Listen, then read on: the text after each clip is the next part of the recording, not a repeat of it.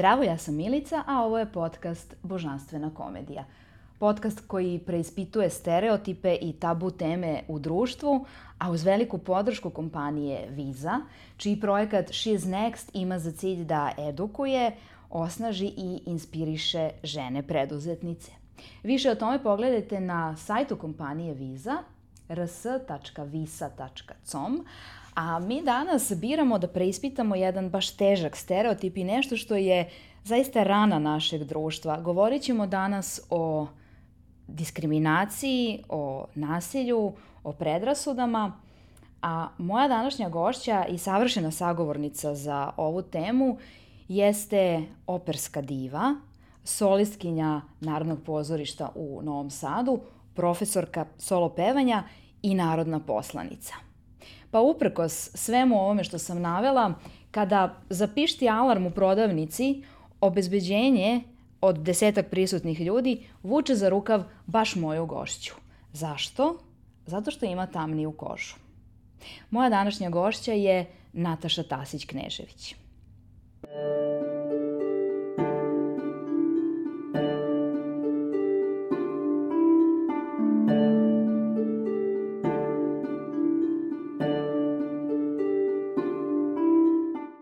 Nataša, hvala ti što si došla u, u ovaj moj podcast.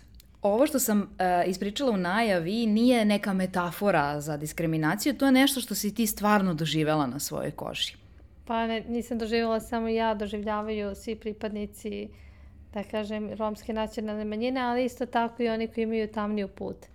Na njih gledaju malo sa nekim podozrenjem i sa nekom vrstom uh, nepoverenja pre svega, zato što misle da će odmah nešto loše da urade, a u principu um, da li mi imamo tamniju put ili ne i da li smo mi dobri ili loši ljudi zbog te tamnije puti, to uopšte nije poenta. Poenta je čovjek da možda bude i zelen i naranđast, ako hoće, ali ako je on dobar čovjek, on će biti dobar čovjek. On možda bude beo, a ako nije dobar čovjek, on neće biti dobar čovjek.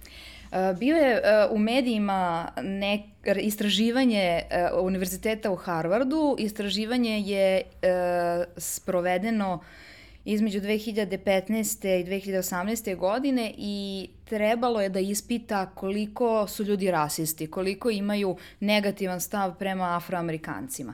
I prema tom istraživanju mi Srbi smo ispali neverovatno tolerantni. Mi smo ispali najtolerantniji narod u Evropi, a zapravo niko od medija koji su to preneli se nije bavio suštinom testa. Test je dakle se bazirao na tome šta ljudi koji su ispitanici koji su bili bele kože misle o afroamerikancima ali da je test bio postavljen drugačije, da smo, na primer, e, imali pitanje šta mislite o Romima, ja mislim da bi rezultati bili baš drastično različiti.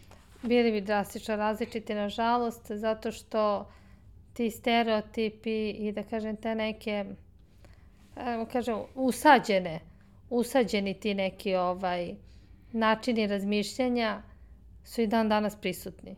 I to je meni prosto neverovatno.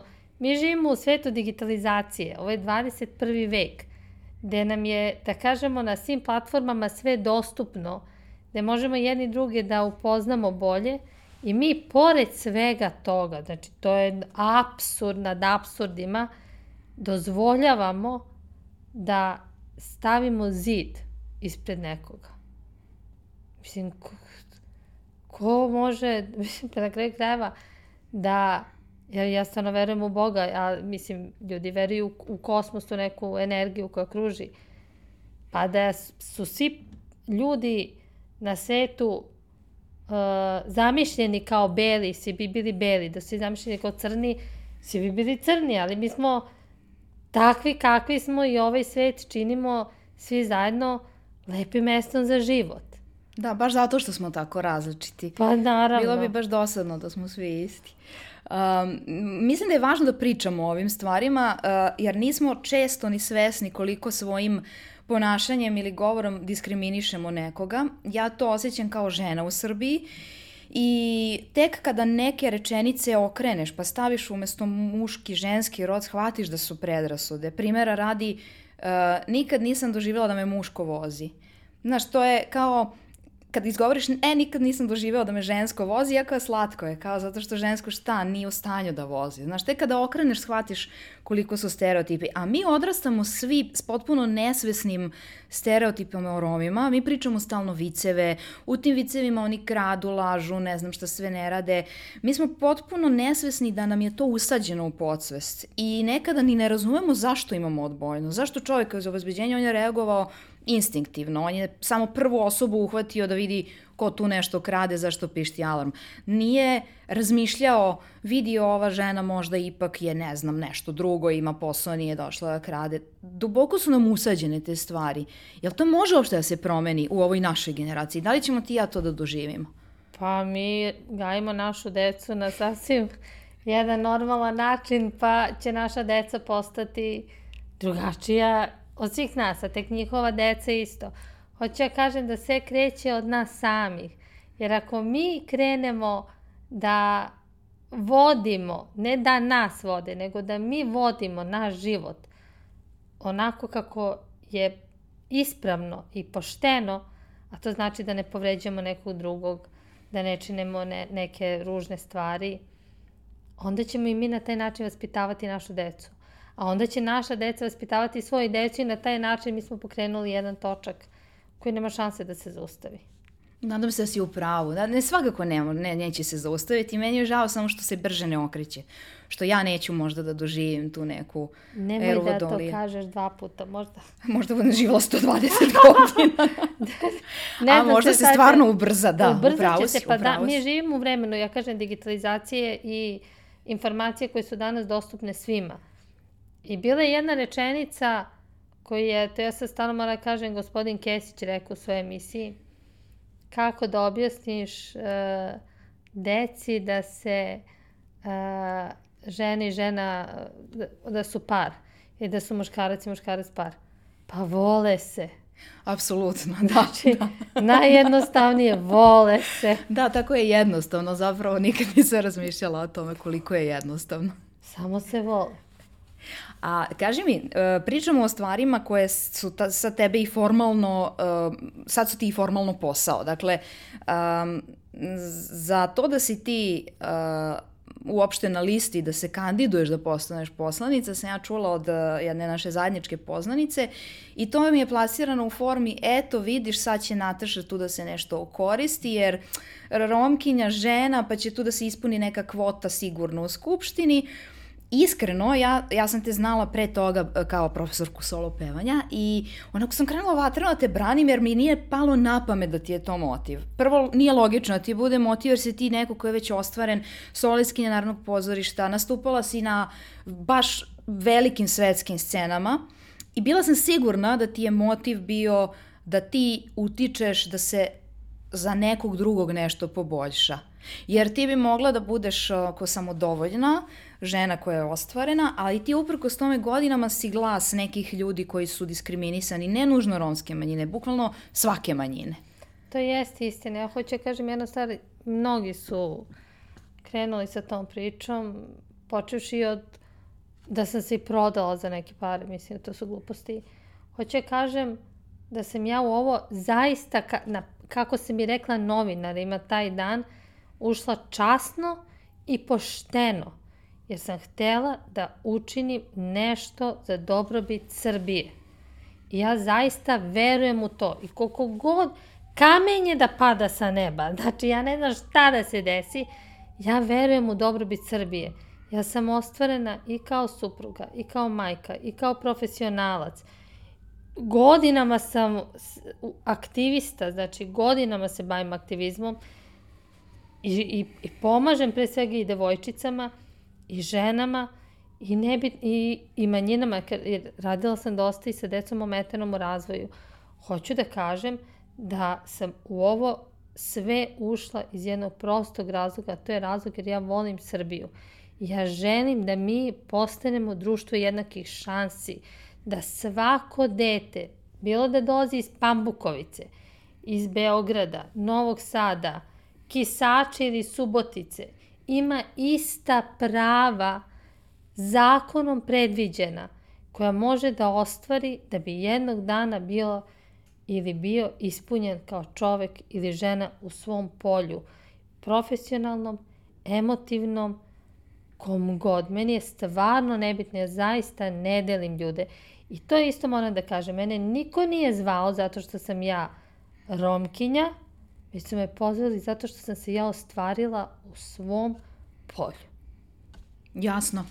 Kažem, meni je jasno, ali mislim da je baš važno to da kažemo, jer su ljudi skloni tako da odbace nečije zalaganje i višegodišnji rad samo zbog nečeg što se ne uklapa u to njihovo trenutno mišljenje. Uh, mene nekad pitaju da li ću se nekad baviti politikom i moj odgovor je uvek ja to ne bih podnela. Zato što I, I to mi je bilo ono ču, čudesno kad si, kad si pristala, kad si ušla u to, uh, potpuno svesna da uh, je to možda način da nekom obezbediš e, manju diskriminaciju i bolje sutra, Uh, ali ti si sad došla s terapije, znači to je ono čega se ja pribojavam. Uh, ja nemam nekakav patriotizam u klasičnom smislu te reči, ja mislim da je moja forma patriotizma to što radim ovde, imam firmu u Srbiji, plaćam poreze i tu odgajam decu i prosto tu živim. To je najviša forma patriotizma koju neko može da ima. Plus ovo što ti radiš, to je da vas pitamo decu tako da menjamo društvo na sve načine koje mi kao pojedinci možemo. Ali to baš košta nekad. Znaš, nas koji smo Kašta hipersenzitivni, tebe koja si umetnica i samim tim nisi neko ko je od kamena i ko ima ono džon umesto obraza, tebe to emotivno košta. Kažem, ti si mi na ovaj podcast došla bukvalno s terapije. Jes, jes, ja sam juče bila o, na Zvezdari, imala sam ovaj, jedan zdravstveni problem, ali hoću ja da kažem da bez obzira na to, ja nema šanse da stane. Zdravstveni problem je došao kao posledica stresa, nisi kao to dovoljno jasno rekla. Da, kao posledica stresa, zato što um, prvo sam dobijala preteće, pis, preteće poruke, Pa sam onda imala eksere u kolima, u točkovima. Pa su me onda, ne znam ni ja, govorili da se ne bavim dovoljno određenim pitanjima o kojima ja zaista stvarno ne znam ništa. Pa ja, kako ja da znam zašto Beovoz staje u Ovči, a ne staje u Pančevu? Pa ne bavim se prugama, čoveče Bože. Znači, bavim se svojim poslom, znači hoću da pomognem zajednici i hoću da pomognem zajednici, mislim na sve nas ovde, ja stvarno ne delim ljude uopšte, znači našoj zajednici Srbiji, ljudima koji žive tu i našim umetnicima, oni uopšte ne shvataju koliko su naši umetnici uh, u zapećku. Evo, ja mogu da kažem, pitaj me za, zašto baletski umetnici i zašto hoćeš baletskim umetnicima da pomogneš. Pa iz prostog razloga. Uh, strad, baletskim umetnicima stradaju svi uh, organi, maltene, i njihovo telo. Zato što je balet uh, težak posao. To nije sad se pojavim u onoj lepoj haljini i onda sam ja labo. Ne, ti radiš kao crnac i to ima vek trajanja. Naše telo ima vek trajanja, pogotovo umetnosti u toj vrsti umetnosti. Uh, Što znači, postoji beneficirani radni staž, ali odlazak u penziju nije na neki način regulisan. Ali beneficirani radni staž realno nije, kad je ta penzija? Sa, to, sa, koliko? sa 65 godina. A be, ako si baletski igrač? To je sa nekih 50-ak, ja mislim. Pa da, i evo sad kad se okrenemo, katastrofa. koliko ljudi od 50 godina ili od 45 su stvarno u stanju da izvode baletske ne figure. Mogu više da Prosto, da. I ta penzija nije realno, ali realno bi trebalo da dođe mnogo ranije. Mnogo ranije, ali problem jeste š, uh, sa mlađom ekipom koja dolazi. To su deca uh, mladi, u stvari od 18. 17. 18. godine, koji ne mogu da budu zaposleni, uh, nemaju ugovore, normalne ugovore, već uh, da kažem zato što im zauzimaju mesta uh, na kolege koje fizički nisu u mogućnosti više, više da igraju. Zaista nemoguće da više da igraju.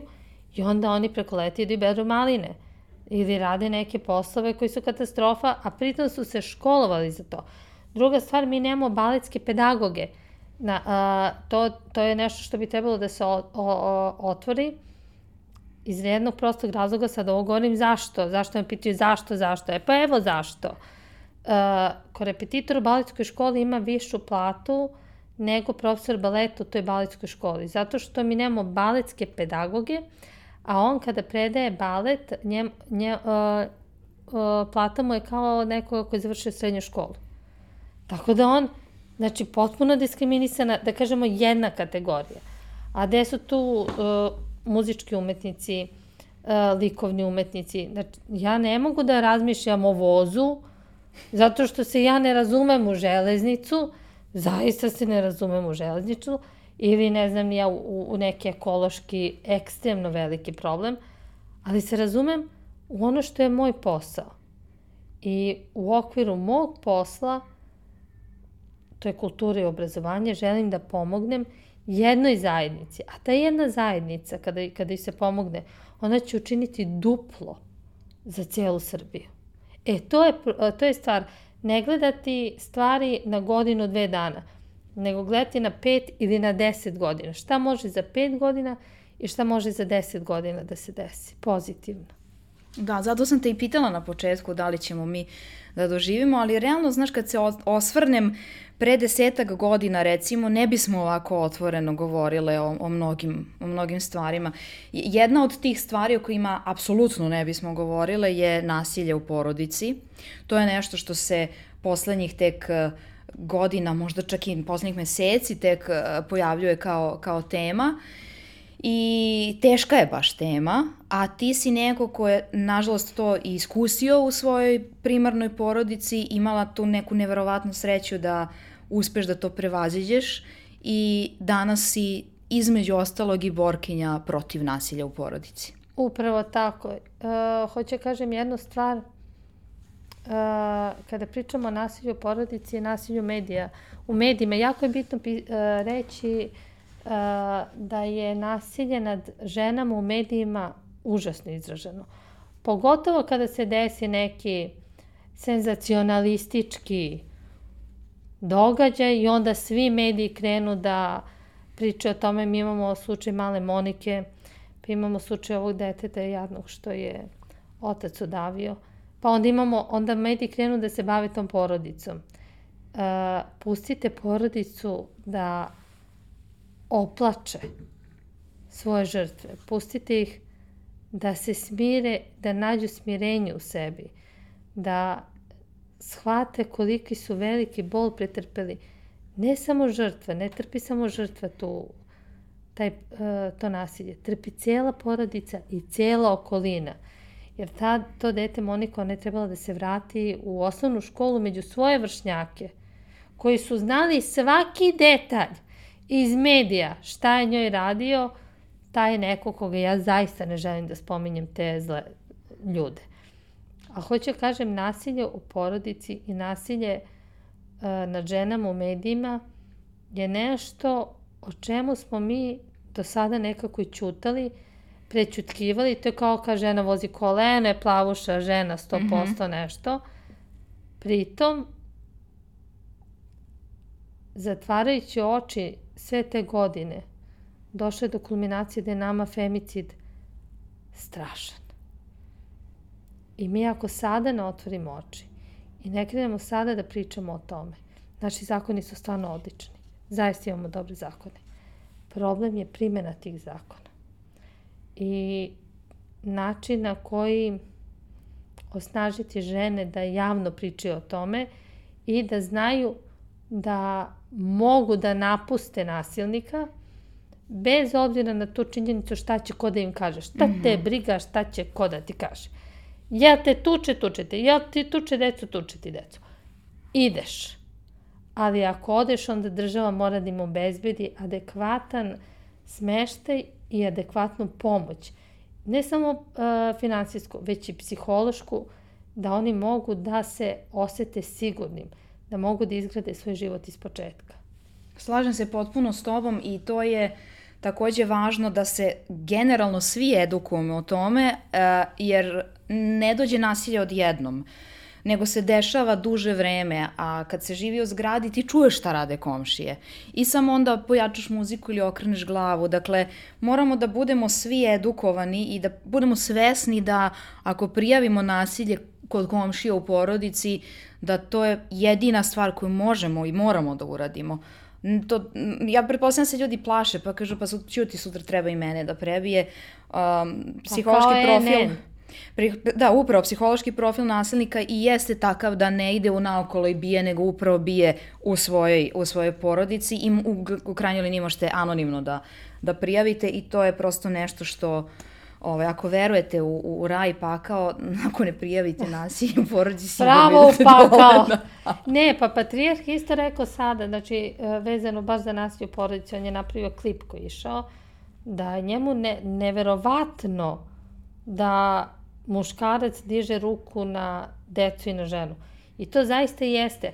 Uh, jedna ne, ja to moram da kažem, to je meni fascinantna stvar vezana za naše muškarce koji se kunu u Boga i u sve, znači najpatrijahalniji. Uh, ima jedna scena iz Evanđelja koja kaže muž jeste glava uh, porodici, ali žena je vrat. I luda glava slomi vrat. Znači, nemojte da budete lude glave. Možete vi da budete patrijahalni do, do, do neba, ali čuvajte i volite svoju porodicu. I to je onda patrija, patrijarhalizam. To je onda, da kažemo, ljubav prava, kada ti voliš i čuvaš svoju porodicu, bez obzira na sve. To je tako jedan model možda koji učimo generacijama, da je okej okay da muškarac bude nasilan, uh, pričali smo u nekim prethodnim epizodama o tome kako dečake učimo od malena da ne smeju da plaču, to je za devojčice i onda oni zapravo ne umeju da kanališu osjećanja i neki od tih muškaraca bukvalno ih kanališu kroz nasilje, zato što ne znaju šta drugo sa, sa tim da rade. E, možemo da menjamo taj model. Mislim da treba da, kad pričamo o osnaživanju žena, ja, jako je važno, podjednako je važno da edukujemo dečake i muškarce. Jednom bez drugog prosto ne ide. Ne ide. Pa možda bi mogli da se napravi kroz, ne znam ja, kroz neki paket obrazovanja. Sad, evo, ministar Ružić je, on možda može to da pokrene. Pa kaži mu. Pa kreći ću mu. ne, baš će da, baš će da predložim, ja nisam u odboru za obrazovanje, ali ću pitati da postoji mogućnost da se napravi neke, neke edukativne radionice gde će se raditi baš sa decom malog uzrasta. Tako je. Znači krenuti od prvog do osmog razreda, jer se tad formiraju ličnosti, gde, gde će im se govoriti da nije lepo udariti drugaricu, da nije lepo udariti kada tata tuče mamu, da nije lepo uh, videti nekoga, dečak da udari dečaka. Znači, raditi na sprečavanju nasilja od, uh, da kažemo, najranijeg doba. E onda to možemo za 8 godina, Ja, evo sad, na primjer, ako neko ima sad 8 godina, on će za 8 godina imati 16 godina, on će već biti formirana ličnost tako i znači već da imati neće... neku devojku, momka. Tako je. I znači da ne, neće moći da tek tako udari nekog i da to ne valja. I eto, ja o tome pričam. Kad pričam o tome, ja pričam uh, kvartalno. Jasno mi je. Da, ali ti si imala, znaš kako kažu uh, obično za uh, Rome koji uspeju da se školuju, da su oni zapravo imali tu neku podršku od mame i tate i da je to ključno da, da bi neko prošao tu barijeru i te, te predrasude. Ti nisi baš imala 100% podršku, šta više imala si baš nekako dosta teško detinstvo, a ipak si uspela da ne postaneš neka tamo malo obrazovana žena, nego da postaneš čoveče operska diva. Uh, pa jeste, mi smo imali užasno teško detinjstvo, pogotovo sa ocem koji nam nije davo da primjer da jedemo. Mama nas upiše na institut za strane jezike i tu dobijemo stipendiju institu, instituta za strane jezike i on se iznervira i nedelju dana mi ne jedemo ništa. Znači, a hoću ja kažem da živ čovjek izdrži sve.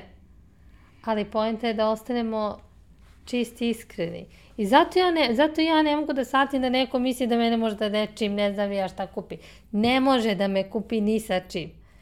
Ali kako to preživiš? Znači, ka, kako kao devojčica kažeš sebi, rođeni otac mi ne da da jedem nedelju dana, a ti ipak to nekako prevaziđeš. I ideš u školu. I ideš u školu, da. Ne odustaneš od toga. Nema odustajanja.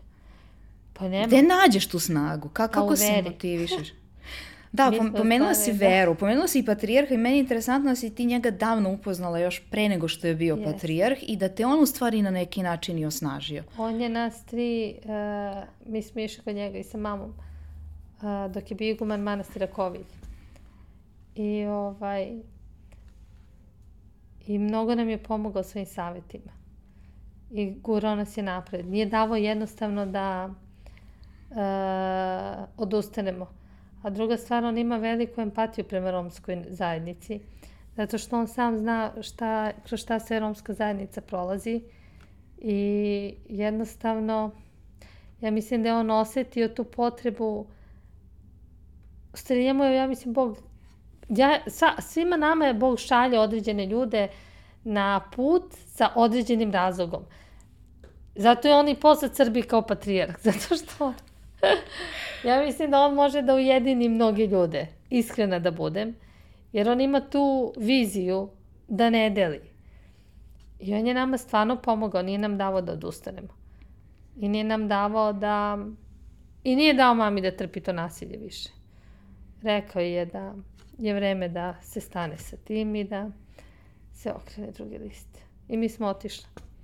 Da, i to ste, verovatno je to najbolja stvar u životu koju, koju ste radile. Uh, I ti si znala da ti je obrazovanje put, ali nisi, nisi od uvek znala da si ti u stvari za opersku divu. Ti si upisala saobraćeni fakultet. Jeste, ja sam upisala saobraćeni fakultet i ovaj, u to vreme mi smo imale, bile su tu nas tri smo bile sa mamom i bili smo i podstanari i, i morale smo da radimo i sve.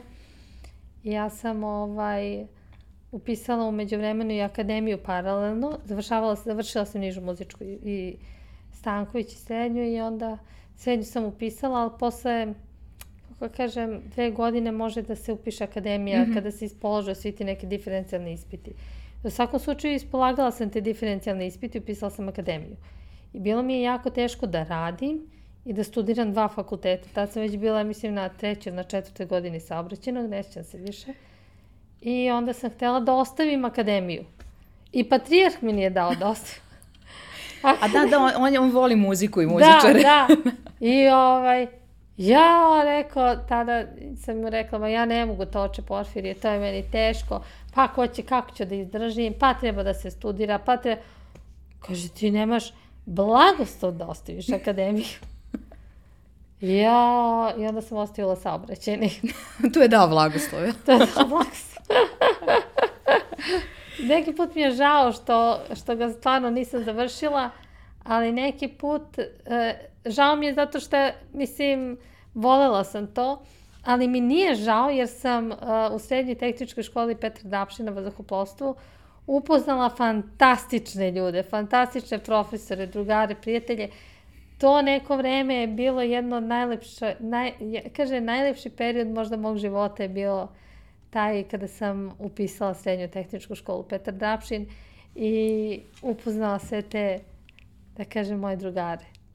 I s njima sam i upisala kasnije saobraćeni, a hoću da kažem, život eto jednostavno me odveo na neku drugu stranu. I sad, e, posle te akademije, to je neki kao normalan put svake osobe koja završi solo pevanje na akademiji, kreće tu, kreću neki tvoji angažmani. Kad si prvi put osetila da ti u stvari jesi operska diva? Pa ja to nikad nisam osetila.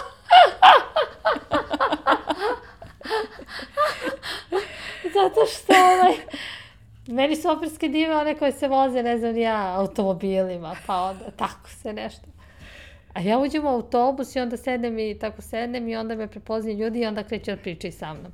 I onda se tako, pogotovo sad kad sam poslanica, ja Pa ti si čoveče ovo što delimo po mrežama, kao vidite švedski poslanici idu Eto. javnim prevozom, znači i naši idu, nisam naši to znala. Naši idu, imamo sve, znači Beovoz, Soko, uh, gradski prevoz, tramvaj, trolejbus, uh, sve, svi mogući, znači ovaj, e, A najbolje mi je, na primjer, kad uđem, pošto ja stanujem u Krnjači, onda uđem u 43 i sad, a, kako uđem u 43 ili 95 bilo koji taj koji ide kada centru, prvo ako stanu pa me gledaju malo, kaže, e, izvinite, jeste, jeste, možemo mi da sebe možemo? Ja, znate, imamo taj taj problem.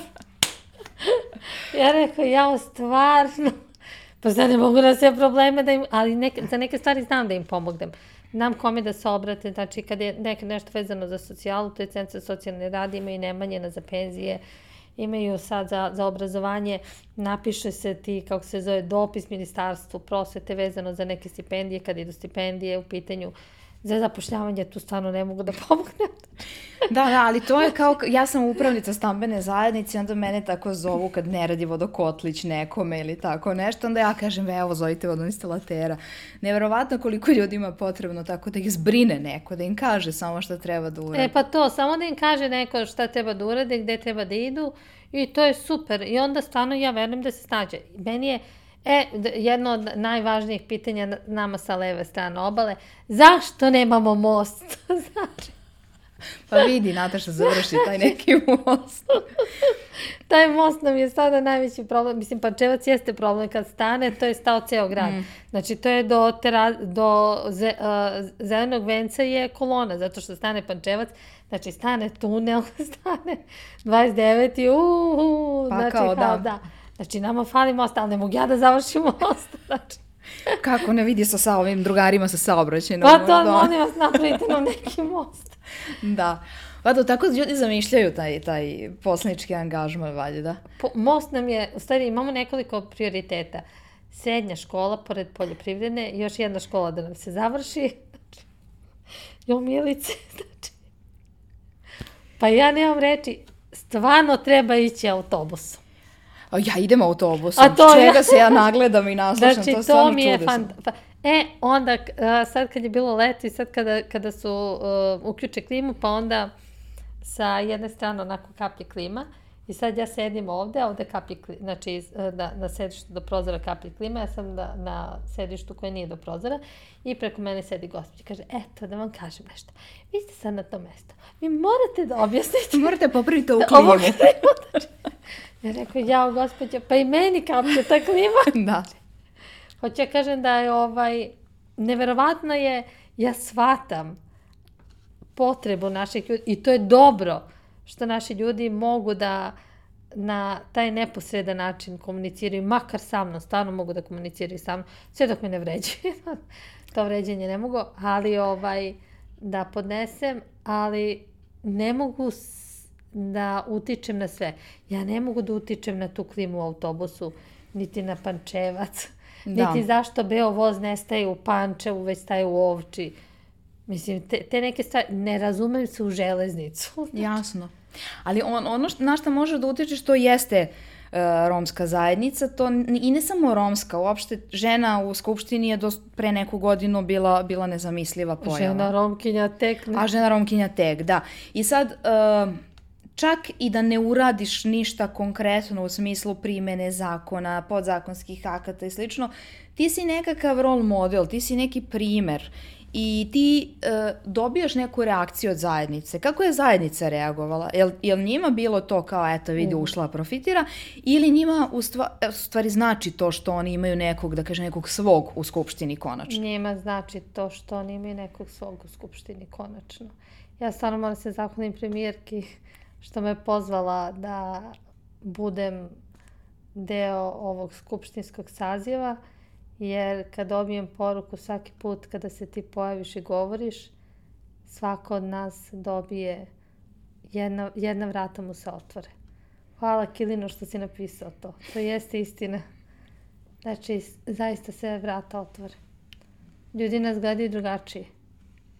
Da, a, trebalo bi zapravo samo svojim delovanjem da dajemo primer i to je ono kad mene recimo pitaju kako ti sad prenosiš te vrednosti na decu svoju i onda ja kažem pa ja sam, prosto samo radim to što radim, znaš, ne posadim ih ovako, ja ne kažem, deco, ovo su vrednosti, pišite sad i onda ih ispitujem, prosto si takva, radiš sve što radiš. Pa radim sve što radim. Ja ne mogu, ja kad kažem, uh, ja jesam s ove strane, ali ja imam prijatelji koji su sa druge strane. Da. Znači, to su ljudi koje ja znam iz sveta umetnosti, iz sveta muzike. I sad šta ja treba njima da kažem? Ja ne mogu sam da se družim. Ne, mi se izgrlimo, izljubimo, sednemo, popijemo kafu zajedno, svi. Hoću da kažem, život, ne del, mi se ne delimo po bojama. Delimo se po delima i po uh, osobinama. Da li smo dobri ljudi ili nismo dobri ljudi. To je jedina stvar po kojoj čovek treba da se deli. Da li je dobar čovek ili nije dobar čovek. Sve ostalo je van pameti. I da se uspostavi taj dijalog, da možemo da razgovaramo normalno, da možemo zajedno kroz razgovor da nađe, dođemo do određenih rešenja i da na, na osnovu tih rešenja učinimo da ovaj svet bude bolje mesto. Ja sam toliko jedna, svi kažu da ja živim u snovima, ali ja sam možda zbog svih tih snova i uradila sve ovo. Jer ja verujem u dobrotu i uprko svemu ja zaista verujem u dobrotu i verujem u ljubav. Znači ja verujem u ljubav i nema šanse niko na ovome svetu da mi to uskrati. Ne želim da dozvolim da mi neko uskrati ljubav. Znaš, meni znači što si došla u ovaj podcast zato što internet je baš uradio veliku stvar u demokratizaciji svega i nadam se da neke devojčice, nebitno je da li su romkinje ili ne, a posebno i ako jesu, pa, pa samim tim je potreban možda veći podstrek, uh, da pomisle da one mogu isto nešto da urade. Znaš, da nekakva mama s nekim čerkama koja je u nasilnoj porodici kaže vidi ova njena mama je imala petlju da ode iz te porodice i pogleda gde je čerka danas. To je meni važno da, da, da, da, da za, zato mi je važno da govorimo o tome. Milice, sad ću da ispričam jedan čist primer kako uh, umetnost može da pomogne. Pre par godina Romag je radio jednu uh, radionicu vezana je za uh, etnomuzikologiju i za uh, različite uh, zajednice koje žive na tlu Beograda. Ja sam uvek dovodila decu iz nasilja. I uvek dovedem decu iz nasilja. I bila je jedna devojčica, je ko lutka lepa, lutka, i hteli su da udaju. I ona je završavala srednju, za pekare, srednju pekarsku i upisala je četvrtu, četvrti stepen.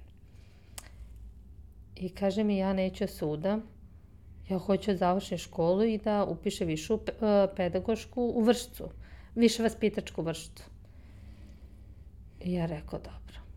Ja pozovem cijelu porodicu njenu, na, a, mislim da je bila travijata u Narodnom pozorištu u Beogradu, tad je Dejan Savić bio upravnik. Kaže, Dejane, molim vas, obezbedite mi uh, sedam karata. To kad dođe cela porodica, to mora cela porodica da dođe. Besplatnih sa, i lepa mesta da budu taj prvi neki red, da oni budu onako vidljivi, da im se, da im se ukaže pažnja. I ovaj, dovela sam ih. Posle toga smo imali, uh, pošto tamo ima, uh, izvinite, baš mi je danas malo onako teže. Pi vode. Samo sekund. Ima, na, znaš kako prodaju onaj uh, vodu i to piće neko? Da, u, u pozorištu za, za pauze. Ja im kupim nešto, onda smo stajali popričali, devojčica je završila višu vaspitačku. Hoću ja kažem, nije se udala. Ali to je, to je jedan rad. I ona sad radi, ima svoj posao i ima svoj porodicu, ali ona ima sad 30 godina. Hoću da kažem šta bi bilo da se ona udala sa 16-17 i gde bi bila njena, ovaj, gde bi bio njen kraj, isto u nekom, nekoj, nekoj, ne znam ni ja, nekoj mahali, sa milion dece, bez posla, bez socijalne zaštite, bez igdičega. Ovako on ima svoje parče hleba i svoju platu. To je bitno, svoja plata. Apsolutno, da. Ali to, je po, ali to je način na koji umetnost može da pomogne da se određene barijere spuste. A dobro, umetnost, ali i čovek kao što si ti ko će da pozove porodicu i da priča s njima. Iz nasilja. Da ih edukuje bukvalno i da im ukaže da to nije opcija, jer oni su možda generacijama unazad se svi oni udavali, ženili u tinejdžerskim godinama i oni ne znaju za drugi način. Njima je, meni su rekli, pa kako ćeš, oni ne znaju šta je opera, pa to je travijata, pa traje tri sata. Oni su svi plakali na kraju. Znači, vole ljudi, pružite im šansu da vide nešto drugo. Da, da. izađu iz tog kruga. Kad se taj krug razbije, sve može da se reši. I kada se manemo ovih Roma muškaraca koji govore to, to i to, mo e, to ne može. Kod mene to stvarno ne može. A, to je zanimljivo, znaš, kad gledaš, kad, kad analiziramo recimo filmsku umetnost, uh, kod nas u filmovima su Romi prikazani skoro uh, uvek kao muški likovi, znači muškarci su Romi i oni su neki muzičari u najboljem slučaju, a uglavnom su neki, neki ljudi kojih se treba nešto kloniti. Jako redko uh, prikazujemo žene romkinje u filmovima, a ja ne znam ni jedan primer, evo da da prikaz neki pozitivni primer, da postoji romkinje, da ona nešto je tu normalna, uspešna, prosto mislim ne postoji kod nas u kinematografiji.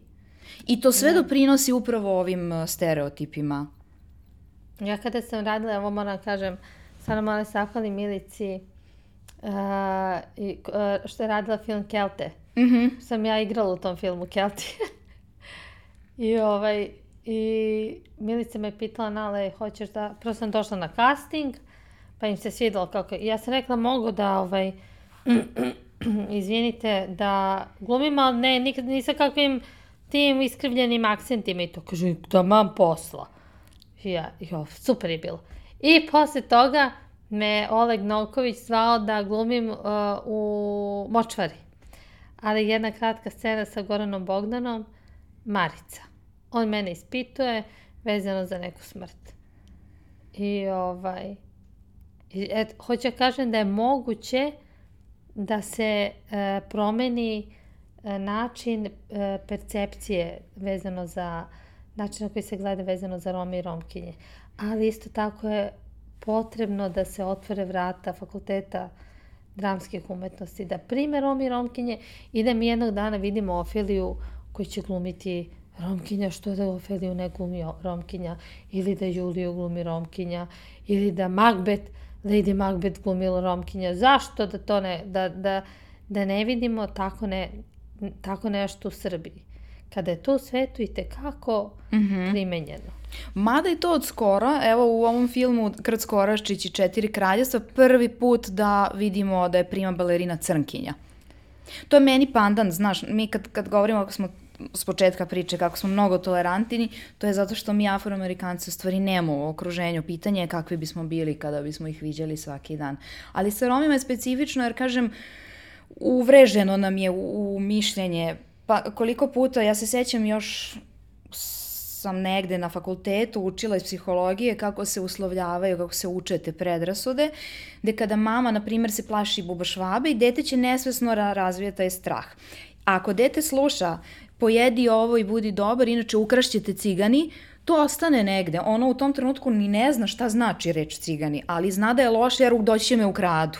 I razvije tu jednu podsvesnu predrasudu koju kasnije ispoljava u životu. Pa to se i dan danas može čuti u parkovima. Ako ne budeš dobar, doći će ciganke i ukrašćete. To, ta rečenica nije nikada prestala da bude, da kažem, aktivna ali mi moramo da krenemo da menjamo. da, pa evo ti... Ne kradu cigani, kradu loši ljudi. Na Apsolutno. uh, ti, ti, ti ozbiljno menjaš i uh, hvala ti na tome. Uh, ono što bih volela da ne preskočim u ovom razgovoru, a to je, ja sam tebe upoznala kroz uh, uh, saradnju u mjuziklu, koji je bio mjuzikl za odrasle i moj jedan od dražih hobija I uh, ti si u stvari bila tada u ulozi moje profesorke pevanja. Ja sam stvarno svašta naučila od, od tebe vezano za pevanje i nastup, ali hoću da kažeš nešto ovako javno što, uh, što je meni bilo za, zapravo interesantno, jer uh, kao dete su me terali da sviram violinu, sa objašnjenjem ona ima apsolutni sluh, to ne treba se protraći na neki klavir ili šta sam ja već htela kao dete. Uh, ti si izgovorila svako ima sluh. I to je meni potpuno promenilo percepciju muzike, sviranja, svega. Svako ima sluh. Samo je pitanje da li svako hoće da ga čuje i pre svega da li hoće da sluša sebe. Jer mi kad slušamo sebe i kad shvatimo koliko smo mi nadareni unutar sebe, onda cijelo naše telo, cijelo naš, cijela naša, da kažem, cijelo naše biće počinje da raste onog trenutka kada nas krenu da da nam, da nam govore da, da mi nismo dovoljno vredni ili nešto, mi krenemo da venemo. To vam je kao biljka. Ako sipate vodu, ona će da raste. Ako joj ne date vodu, ona neće rasti. Ali isto tako, svako od nas ima sluh. Svako od nas ima sluh. I svako može da čuje ono što mu mi govorimo. Ali pitanje je da li hoće. I šta je onda tvoj posao kao muzičkog pedagoga? lakše je, pretpostavljam, kad neko uzme instrument, pa sad ako zna, posebno ti instrumenti koji se ne sviraju na sluh, tipa violina, nego gitara koja ima pragove, ako staviš prste gde treba, izvući ćeš taj zvuk koji treba. Kako ti taj sluh privedeš svrsi u pevanju? Prvo se, kako smo onda učili? Prvo se... da sad ja tebe ispitam. pa, znači ovako, prvo stanemo, je tako bilo? Udahnemo, smirimo cijelo naše telo i unutar sebe čujemo svu lepotu koju određena, da kažem, muzika nosi. I kad čovjek čuje svu tu lepotu koju ta muzika nosi, telo nema šanse da je ne reprodukuje. Zato što smo mi ti koji reprodukujemo sve ono što je lepo iz nas. Da, I zato svako ima sluh. Ovo si baš, baš nekako fantastično rekla. Ali hoću da kažem sad da ne bih uh, zaboravila, uh, jer mi je važno da i ovo javno kažemo. Uh, postoji jedna komparativna prednost romske zajednice koju niko ne vidi i svi prenebra, prenebregavaju, a to je činjenica da su uh, Romi od rođenja maltene, odnosno od trenutka kad progovore, bilingvalni. Uh, biti bilingvalan znači savršeno dobro govoriti dva jezika.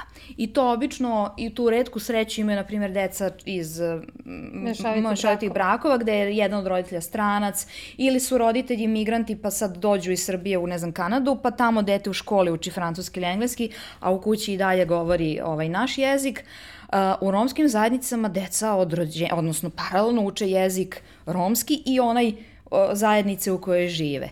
I mnoga istraživanja, jako mnogo istraživanja pokazuju da bilingvalna deca imaju veću kognitivnu sposobnost za razne stvari, da su kognitivno fleksibilniji, da su brži u razmišljanju. Uh, kako je moguće da mi kao društvo, da sva zapravo društvo, jer oni žive po celom svetu, ne prepoznaju tu, tu veštinu, tu sposobnost? Pa neće to da vide. Da, to je dosta dobar odgovor.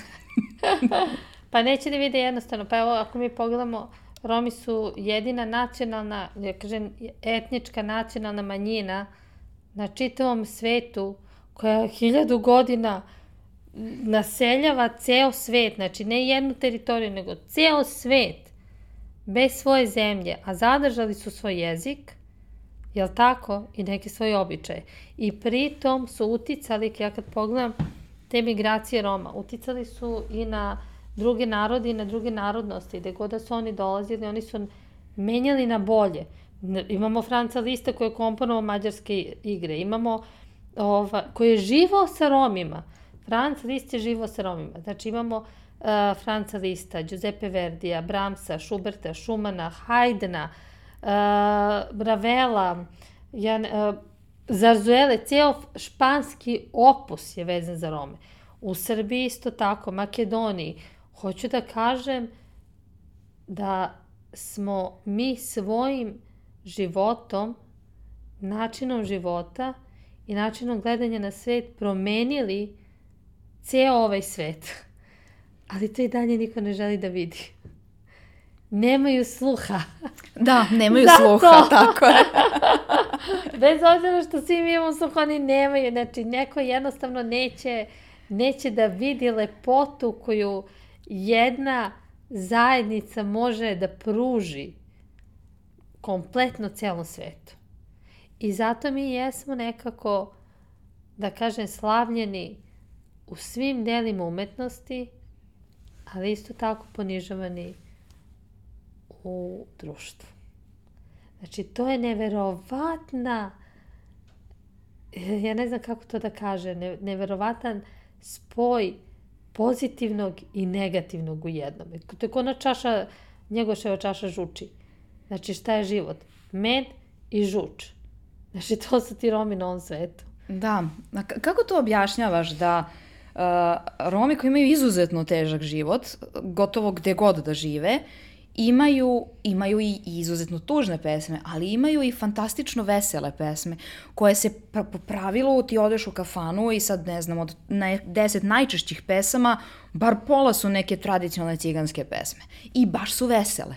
Uprkos tom baš teškom životu. Pa zato što mi ne želimo da gledamo na život na takav način. Pa kada bi gledali na život na takav način, pa nas ne bi bilo. znači, moramo da tražimo u svakoj nesreći ili svakom, u, u svemu onome što nije dobro, ti moraš da tražiš trunku dobra i da iz te trunke dobra gradiš nešto što je dobro. Znači, poenta je u tome. Esmeralda, kad pogledamo zvonara Bogorodičine crkve, tako, ona je prihvatila sa svim, sa svim kako ja kažem, uh, zvonara je prihvatila bez obzira na njegovu spoljašnjost. Ona je njega prihvatila i njegovu, njegov, njegovu dušu prihvatila, ali tako? Ali ona je stradala. Isto tako. To nije, ovaj, nije zvonar ovaj Disneyev, nego je pravi nego da, zvonar. Nego da, roman. Roman. Ona je stradala u tom romanu. Jer ona nije gledala E, čoveka na osnovu njegove fizičke predispozicije, gledala njegovu dušu. Dok je kardinal, zna se ko su bili tada kardinali, naj, naj, naj, naj, naj, naj, naj, on je u stvari imao crno srce. Mm -hmm. Eto, to je poenta Roma. Znači, ja gledam čoveka u dušu, ne gledam ga uopšte ni ko je ni šta je. Mene to toliko malo interesuje. Da li on car ili je prosjak. Ako ima dobru dušu, on je dobar čovek. Da, i hoću samo da, da ti kažem, uopšte me zanima da li će mi verovati, ovaj, jer ovo stvarno zvuči nevjerovatno, da se meni desilo, a to je posledica edukacije, druženja sa raznim ljudima različitih nacionalnosti, vera, e, iz različitih zemalja, da mene ljudi pitaju za nekog, je ona romkinja? Za nekog, nebitno koga.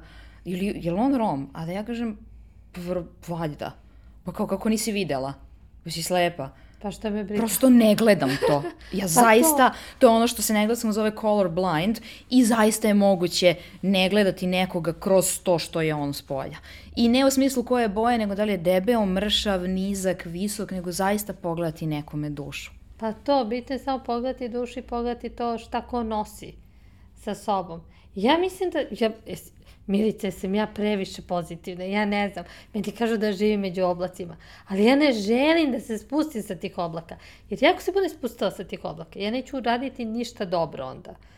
Jer ja mislim da sam dobro uradila. Koliko dece sam ja, da kažem, dok sam radila kao nastavnik solo pevanja gurala i da završe od srednje škole ka, i da upišu fakultete. To su sve siromašna deca iz okoline Uba.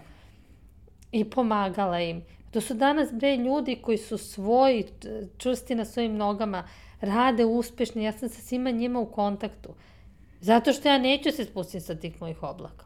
Hoću da gledam ljude u dušu. A dobro, oblaci su te baš doveli, pomenula sam, znaš, do nekih baš velikih pozornica i ja verujem da tamo nisu gledali koje si Ma, to boje. tamo nema veze sa tim. To u svetu svi živi pevaju od Kineza do Afroamerikanaca. Stano ne gleda se to. Tamo je, jedino se gleda kvalitet i šta nosiš. Da li si harizmatičan na sceni, da li ti se navoli, da li ti imaš tu neku crtu koja će privući ljude. Da poveruju u to što ti njima daješ. E sad, svaki put kad sam na sceni, ja sam to što je ta osoba. Što je ta uloga. To što je ta uloga. Znači, ja ne mogu, ja, ja odmah postajem ta uloga, znači. I to je neverovatno. I najviše volim ove uloge, evo sad sam imala Paminu, jao što je to bilo lepo, imala sam debi uh, kao Pamina u Srpskom narodnom pozorištu, uh, čarobna frula za decu. I ima, bilo je puno, puno dece. I onda su deca uh, ovaj, sa mnom ovako, ja pevam i sad deca dođe oko meni i onda i oni isto to igraju, znači, igram i ja sa njima, znači, vrtim ih u krug, onako, kao balerine, pa se ta... Ali meni je to toliko lepo, taj osjećaj, ta interakcija sa publikom, pogotovo sa decom. Deca vole klasičnu muziku. Dajmo im šansu da ju upoznaju onako kako treba, eto. Da, uh, hvala ti. Pre nego što završimo ovaj podcast i ovaj razgovor, uh, spremila sam ti poklon koji nije uopšte za tebe. Uh, pa ti znaš da, da ja pravim anđele, a, a ja znam da ti ne jedeš gluten. Znam. Tako da ovi anđeli su za Mariju, tvoju čerku, ja, pošto znam da ona, ovaj, da ona može da ih jede. A, I to je u stvari i poslednje pitanje vezano za, upravo za nju. Dakle, kako ti kao mama koja je svašta prošla i pozitivno i dalje gleda, uh, a, a realno nije sve oko nas pozitivno. Kako ti njoj napraviš taj neki balans? Uh, kako je vaspitavaš prosto? Sad, glupo je pitanje, kaj se ti ima nama ukratko neki recept, ali um, i ona odlazi u svet koji je zapravo surov i koji nije generalno pozitivan. Kako ti osnažuješ svoju čerku? Pa da bude svoja i da veruje. Ja sam njoj rekla, Mimi, pogotovo sad za ocene, evo idu ocene i onda se roditelji stresiraju ako dete dobije malo loši ocene ili bolje.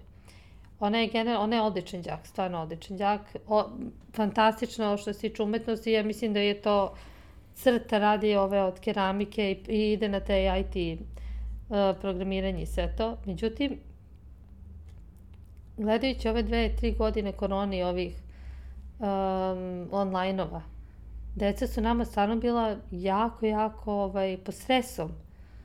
I onda sam ja shvatila jednu stvar – To ona ako dobije trojku, šta me briga, dobila je trojku. Ja znam da je učila, taj dan joj možda nije bio dan kao što ni sama, svima nama nije bio taj dan. Jer i mi smo imali svi trojke, da se ne lažemo. Znači, ali ja znam da će ona da uh, se potrudi da to posle bude petica. E sad, ja joj nikad nisam spročitavala tu trojku. Rekla sam, trojka, super, mi mi blago nama, dobro je. Znači, ajde da dobije loši ocen od te trojke. Bih rekla, super, mi mi blago nama, dobro je. Zato što znam da će ona sesti i uraditi za sledeći put i popraviti tu ocenu. I ja nisam od onih mama što idu kod e, nastavnika i traže da im deca ovaj, imaju sve petice. To nikada neću raditi, jer to nije radila ni moja majka.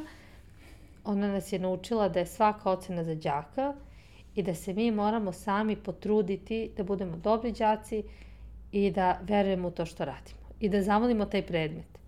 Tako da ovaj, bitno je samo da da se ona osnaži, da, da bude svesna da i kad nije nešto baš najbolje, da ona zna da nešto nije najbolje, ali da će se potruditi sledeći put da uradi to da bude dobro. Nataša, hvala ti. Hvala ti što menjaš svet, hvala ti što si ovaj, takav primer i hvala ti što si bila u podcastu. Hvala Milice i hvala za Anđela, oni će se obradoti, jao! Thank you.